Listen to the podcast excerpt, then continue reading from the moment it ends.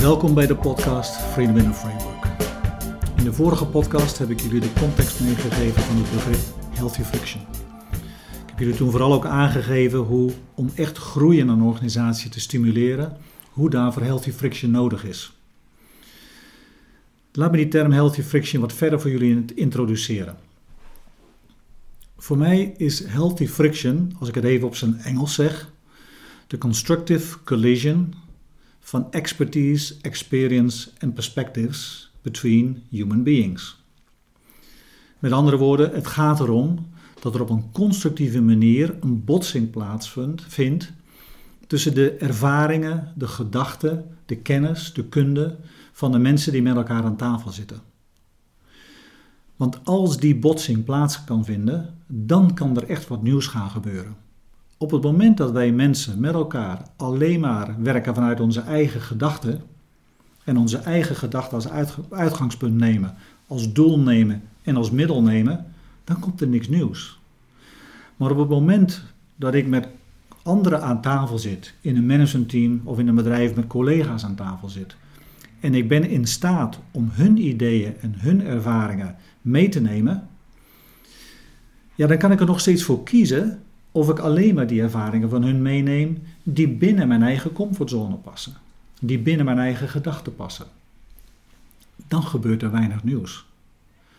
Maar ben ik in staat om te, bij mezelf na te denken, te denken van, weet je, hier heb ik een collega, dat is eigenlijk een hele prettige, intelligente, ervaren persoon, die denkt er anders over dan ik, ja, dan kan er wat nieuws gaan gebeuren. Dus wat zo mooi is aan Healthy Friction, is dat het tussen mensen creativiteit teweeg brengt. En creativiteit is als we het met elkaar meemaken iets wat ons ontzettend veel vitaliteit en energie geeft. En heel veel plezier geeft.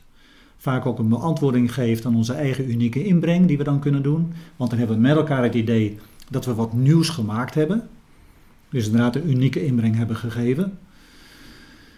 En tegelijkertijd kunnen we op, die manier ook vanuit die creativiteit voor een organisatie echt nieuwe wegen bedenken. Of dat nou een RD, marketing, supply chain, op een universiteit of waar dan ook is. Voor een leider om creativiteit toe te staan is in zichzelf fantastisch. Maar vanuit mijn ervaring weet ik dat veel leiders er ook een bepaalde weerstand tegen hebben. Want die denken, ja, die vrije creativiteit is wel mooi, is wel leuk. Maar als die creativiteit te ver doorschiet, dan heb ik chaos hier. En ik wil geen chaos. Want ik moet namelijk wel aan het eind van deze maand en deze drie maanden, dit jaar, mijn resultaten opleveren. Dus die creativiteit, die is er wel bij gebaat dat er ook een bepaalde standaardisatie tegenover staat. Ik heb overigens een heel leuk voorbeeld, wat eigenlijk uit bij een hele jonge jaren komt, waarin ik je die ook kan aangeven waarom die creativiteit eigenlijk wel gebaat is, is bij een bepaalde mate van standaardisatie. Toen ik op de kleuterschool zat, ik kan me dat echt nog heel levendig herinneren. Dat is een van mijn weinig levendige herinneringen uit die tijd. Op een gegeven moment weet ik dat we met z'n allen in de zandbak mochten spelen. Het was een vrij grote zandbak. Ik had zelf een aantal uh, vrachtwagens en kleine autootjes. En ik ging in mijn hoekje van de zandbak uh, een, een, een parkeerplaats maken en een garage maken. Overigens, de juf had aan ons verteld, ga met z'n allen in die zandbak spelen, maar denk erom, het zand is bedoeld om in de zandbak te blijven en je mag het er niet uitscheppen. Nou, dus wij gingen met al onze spullen, ook schepjes en hemmetjes natuurlijk, gingen we erin aan de slag. En ik ging, zoals gezegd, mijn garage en mijn parkeerplaats maken. Op een gegeven moment was ik daar wel mee klaar, was dat er een beetje, en toen gingen we om me heen kijken. En toen zag ik een jongen schuin tegenover me, die had ook zoiets gemaakt. En ik weet nog dat we naar elkaar keken en dat we in één keer zoiets hadden, hey, zullen we een weg maken naar elkaar. En we gingen inderdaad door het zand heen een weg maken. En we gingen met de auto's naar elkaar toe rijden. En andere kinderen zagen dat. En dan, sommigen hadden scholen gemaakt of een winkels gemaakt. En eh, nog anderen hadden ook parkeerplaatsen gemaakt. En, en anderen waren ergens anders ook al bezig met wegen. En binnen de kortste keren, ik bedoel, wat waren wij, vier, vijf jaar? Binnen de kortste keren hadden we in die zandbak een heel dorp gemaakt. Met allemaal wegen, met allemaal verbindingen. En we waren met z'n allen, met z'n allen aan het spelen op een manier die verder reikte dan wij ooit in, in onszelf op ons eentje, of in ieder geval ik met mijn eigen garage en parkeerplaats, had kunnen spelen. Dus Voor mij is dat altijd nog een heel levendig voorbeeld hoe als je een bepaald framework meekrijgt, daarbinnen vrijheid krijgt, daarbinnen gewoon wat frictie toelaat, wat ruimte geeft, hoe er iets nieuws kan gaan ontstaan. En de standaardisatie zat er hier in die zin ook in dat we met de spullen speelden waarmee we speelden en dat niet de bedoeling was om zand eruit te scheppen. Maar ik kan je verzekeren, die juf heeft ongetwijfeld die middag met een grote glimlach naar de zandbak zitten kijken en heeft totaal niet op hoeven treden. We waren allemaal druk bezig. En dus als een leider aan de ene kant ruimte geeft voor creativiteit, is het nodig om een bepaalde begrenzing aan te geven. Die begrenzingen, die standaardisatie. Tegelijkertijd, als je als medewerker meemaakt dat een leider standaardisatie geeft, voelt daar vaak een bepaalde weerstand tegen. Want dat zijn procedures en, en, en, en policies van een bedrijf. En op dat moment ga, kan dat ingaan tegen de autonomie die ik graag wil. En helemaal op het moment dat een leider een, een grote mate van standaardisatie wil, kan dat heel spannend worden. Want waar de leider het ervaart als een zinvolle standaardisatie, zal een medewerker zeggen: Ja, nou worden mij veel te veel regels opgelegd. Dus die gaat het als bureaucratie ervaren. En zo zie je dat zeg maar, die frictie die uitgeleefd moet worden en beleefd moet worden tussen mensen om tot iets nieuws te komen, aan de ene kant creativiteit genereert, aan de andere kant standaardisatie nodig heeft, omdat we niet in de chaos willen vervallen, maar we willen ook niet in de bureaucratie vervallen. Voor een leider om om te kunnen gaan met zowel standaardisatie en creativiteit en het niet daarin te laten vervallen, vraagt om helder op te treden in de dagdagelijkse interactie tussen mensen. En daar heb ik een mooi voorbeeld van. Ik was op een gegeven moment aan het werk uh, in Scandinavië met een groep van marketing en sales. En met elkaar waren we bezig om zeg maar de bedrijfsprocessen en de, de interactie, uh, de interface tussen marketing en sales helder te maken.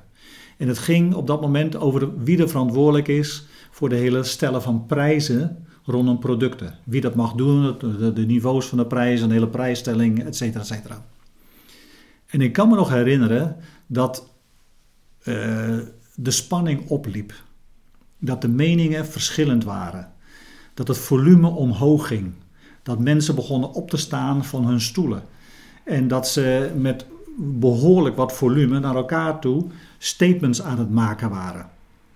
En het was typisch zo'n moment waarop, als ik nu terugkijk, zeg, de frictie schoot veel te ver. Dus op het moment dat dat gebeurde, ik liet het even lopen. Toen heb ik op een gegeven moment gezegd, eh, weer even op zijn Engels, What I, as consultant, experience at a moment like that is fuck. En ik heb echt letterlijk deze term daar hardop in die ruimte uitgesproken met een klap op de tafel. En ik weet nog dat het een grote schok was dat mensen verwilderde gezichten hadden. Na het even doodstil was, iedereen naar elkaar keek en de hele groep in lachen uitbarstte. En ze precies zagen waar ik het eerder die dag met hen over gehad had, namelijk als de frictie te ver, te ver gaat en een chaos verzandt, dat je dan nergens meer komt. En dat je op dat moment moet ingrijpen en het terug moet brengen dat het wel healthy friction moet blijven. Nou, we hebben toen even pauze met elkaar genomen en daarna zijn we op een zinvolle manier met elkaar verder gegaan. En hebben we een raamwerk kunnen afspreken wat inderdaad ook zinvol was voor iedereen. Nou, als leider is het belangrijk als je bezig gaat met strategische vernieuwing om na te denken over hoe je je mensen meeneemt in het kunnen en leren omgaan met het hele spanningsveld tussen de standaardisatie en de creativiteit. Het is ook nodig om daarin zoveel mogelijk ruimte te geven. Want als je je standaardisatie nauw definieert en weinig creativiteit geeft, maar geef je eigenlijk je mensen maar een enge, nauwe ruimte. En is er voor die autonomie en de uniciteit is er weinig mogelijkheid. En ontstaat er dus ook weinig groei en weinig vernieuwing in je organisatie. Dus als leider is het ontzettend uitdagend om zo min mogelijk standaardisatie en zo ruim mogelijke creativiteit te geven, want dan ontstaat er een ruimteveld waarin mensen zoveel mogelijk met elkaar kunnen bewegen. Nou, en ik kan je weer een mooi voorbeeld geven over hoe je als leider het in beweging kunt brengen. Ik was betrokken op een gegeven moment bij een leider die net benoemd was en die in zijn business uh, bezig ging in het omvormen uh, zijn business ging omvormen van een multinationale business naar een internationaal geïntegreerde business.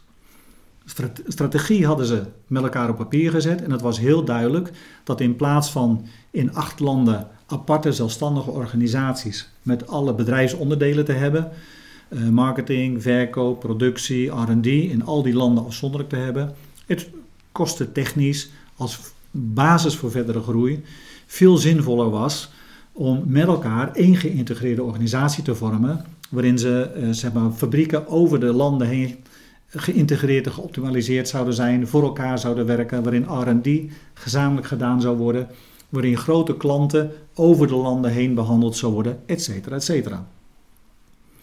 En ik was betrokken vanaf het begin toen het managementteam bezig ging met het aan de slag gaan hiermee. Ze hadden met elkaar de intellectuele exercitie gedaan, dus die strategie stonden ze wel achter. Maar nu gaan doen. Dus hoe krijg ik het aan de gang? En ik weet nog hoe we met elkaar die eerste workshop hadden. En dat in die eerste workshop er ontzettend veel stiltes vielen, omdat er continu mensen in zichzelf de aarzeling voelden om hun eigen domein op te geven. En eh, de zeg maar, uh, verantwoordelijkheden die een impact zouden hebben op hun markt te leggen bij iemand die in een ander land werkzaam was of die een internationale rol had. Kortom, wat je daar zag gebeuren is dat mensen weliswaar intellectueel snapten dat het een goede strategie was, maar in hun samenwerking geen idee hadden hoe dat gestalte te geven. Wat we toen zijn gaan doen, is in eerste instantie is alle aarzelingen weer naar voren brengen. Alle zorgen naar voren brengen over wat er fout zou kunnen gaan. Vervolgens hebben we met elkaar gaan discussiëren over maar hoe kun je dat dan doen? Laten we eens even creatieve scenario's gaan maken over wat er nodig is. Laten we eens even met elkaar afspreken welke standaarden, ondanks dat je misschien vrijheden hebt om internationale fabriek te runnen, welke standaarden je wel aan moet voldoen om lokaal te beleveren. En welke standaarden, als je nog steeds lokaal voor een fabriek verantwoordelijk was, dat je dan, als er een internationale prioriteit was, je nog steeds aan die internationale prioriteit voorrang moest geven over je lokale prioriteit. Want dat het geheel voortgaat op het individu, op het afzonderlijke. Kortom, we zijn door een heel proces heen gegaan waarbij we al werkende weg zijn gaan onderzoeken wat er aan de hand was. En hoe, hoe ze het beste daarmee met elkaar zouden kunnen omgaan. Tegelijkertijd heb ik ze meegenomen in het proces om elkaar als mens beter te leren kennen. Want wat nodig was, of wat heel duidelijk kan beter zeggen, wat duidelijk zichtbaar was, is dat iedereen zich onzeker voelde over de weg van implementatie. En die onzekerheid werd mede gevoed doordat ze niet elkaar helemaal kenden, schuine streep vertrouwden, van gaat dit echt wel wat worden? Kan ik echt van de ander erop aan als we daar gaan komen? Dus ik heb ze meegenomen in een proces van elkaar beter leren kennen, de grondslagen van vertrouwen met elkaar besproken, welke gedragingen helpen en hinderen ten aanzien van het opbouwen van vertrouwen. En zo zijn we met elkaar uh, bijvoorbeeld ook op een gegeven moment op stap gegaan. We hebben workshops gedaan, wat verderop in het proces, waarbij we ook met elkaar uh, een grote hike hebben gedaan in de natuur. Waarbij je maar, ook even heel fysiek met elkaar de uitdagingen aangaat. We zijn met elkaar door workshops heen gegaan waarbij we de vechtsport met elkaar hebben gedaan. Niet om van elkaar te winnen, maar de vechtsport als metafoor om met elkaar heel stevig te sparren als het er echt om aankomt. Zodanig dat je met elkaar leert om met die frictie om te gaan in de ruimte tussen standaardisatie en creativiteit. En dat er de vertrouwen ontstaat dat wezenlijk als je verder gaat komen en als je verder wilt komen, dat juist het aangaan van die frictie ontzettend bevruchtend werkt om echt tot groei te gaan komen. Wat ik volgende keer wil gaan doen, is jullie meenemen in het hele proces van wat het in de fundamentele ontwikkeling van een leider vraagt, om, deze, om op deze manier met een groep van mensen echt de frictie te kunnen aangaan. Want het proces daarvan is niet automatisch eenvoudig. Want als het ontspoort, de frictie, dat willen we niet. Dus we willen het goed met z'n allen in beheer kunnen houden. Maar we willen tegelijkertijd weten we dat het zo ruim mogelijk moet kunnen bestaan. En daar ga ik volgende keer verder op door.